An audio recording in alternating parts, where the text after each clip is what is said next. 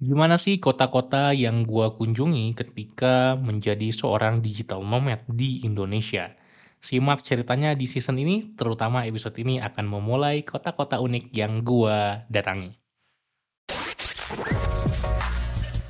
Halo, selamat datang di podcast Cerita Pembelajar.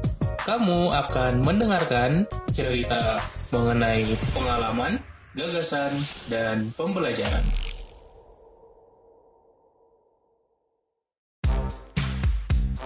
Season 12 Digital Nomad Journey Setahun penuh solo traveling keliling Jawa, Bali, Lombok naik motor backpack run.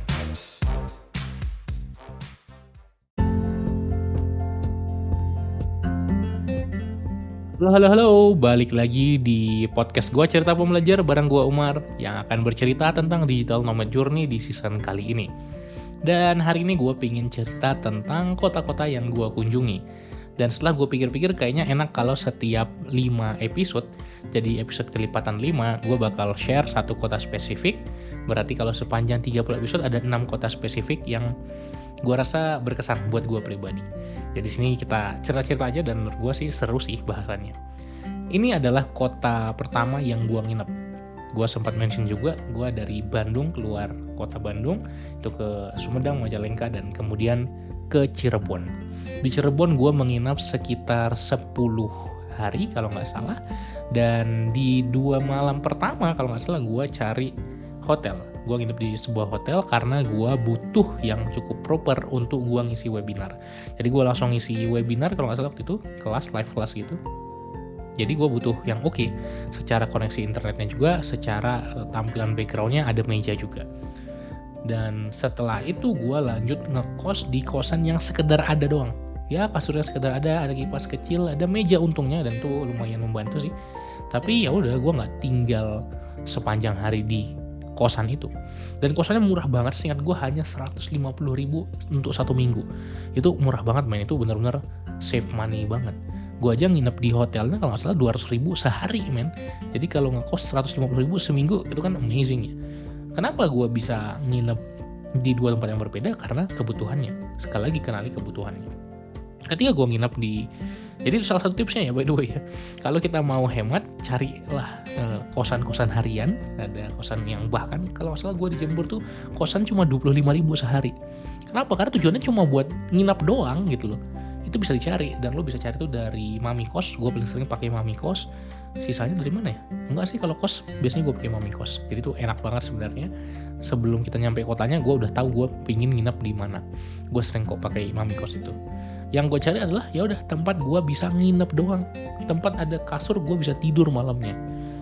Dan sangat menghemat budget. Itu adalah rumus gue cara gue untuk menekan cost penginapan. Tapi kalau gue lagi butuh syuting yang bagus ya gue ambil hotel bahkan bisa bintang 4 sekalipun. Nah sekarang ketika kita mencoba untuk mengeksplor kota maka kita perlu tahu kita senangnya apa? Apa kita senangnya wisatanya? Apa kita senang kafenya? Apa kita senang makanan? Nah buat gue gue seneng sebenarnya semuanya sih tapi yang paling penting gue wisata kuliner kalau buat gue karena gue seneng makan. Jadi gue di Cirebon tuh explore beberapa destinasi wisata juga ada yang ke arah kuningan juga gue explore. Tapi kayaknya gue nggak banyak cerita terkait wisata sih kalau di Cirebon. Lebih banyak gue explore kuliner. Kenapa? Karena ternyata di Cirebon itu kota pertama yang gue datangin untuk nginap sekaligus kota yang menurut gue paling banyak variasi kuliner khas daerahnya. Ada banyak banget ya. Ada docang nasi nasi lengko kalau nggak salah ya nasi lengko kemudian apalagi? Banyak lah pokoknya ya. Gue kalau disuruh nyebutin satu-satu bahkan bisa lupa gitu ya. Ada kuliner yang unik-unik juga kalau nggak salah. Lontong soto gitu apa. Terus ada banyak lah. Gue lupa sih sebenarnya apa aja. Tapi satu kuliner yang menurut gue unik waktu itu gue nggak sengaja juga dapetinnya nggak gue search dari maps gue mau kerja di satu cafe nama kafenya Oxygen Coffee. Dan di jalan itu ketika gue lagi nyari-nyari sarapan sebelum ke cafe gue berhenti ada satu kios yang menangkap perhatian gue tulisannya pedesan entok. Ya entok atau bebek kan sama lah kurang lebih. Ya udah gue mampir dan sebenarnya itu harusnya untuk makan siang gitu ya enaknya tapi gue sarapan pedesan entok dan menurut gue itu adalah kuliner yang paling berkesan. Menurut gue itu enak banget parah gitu ya yang gue makan sepanjang gue kuliner di digital nomad journey ini. Jadi sangat berkesan. Dan gue pingin datang ke Cirebon lagi nanti nggak tahu kapan hanya untuk makan si pedesan entok itu. Nah, kalau nggak salah pedesan entok Haji Mahmud atau enggak nanti lu bisa benerin gue kalau lo tahu ya buat orang Cirebon. So menurut gue itu satu kota yang uniknya adalah gue banyak explore kuliner di situ. Gue banyak explore cafe juga.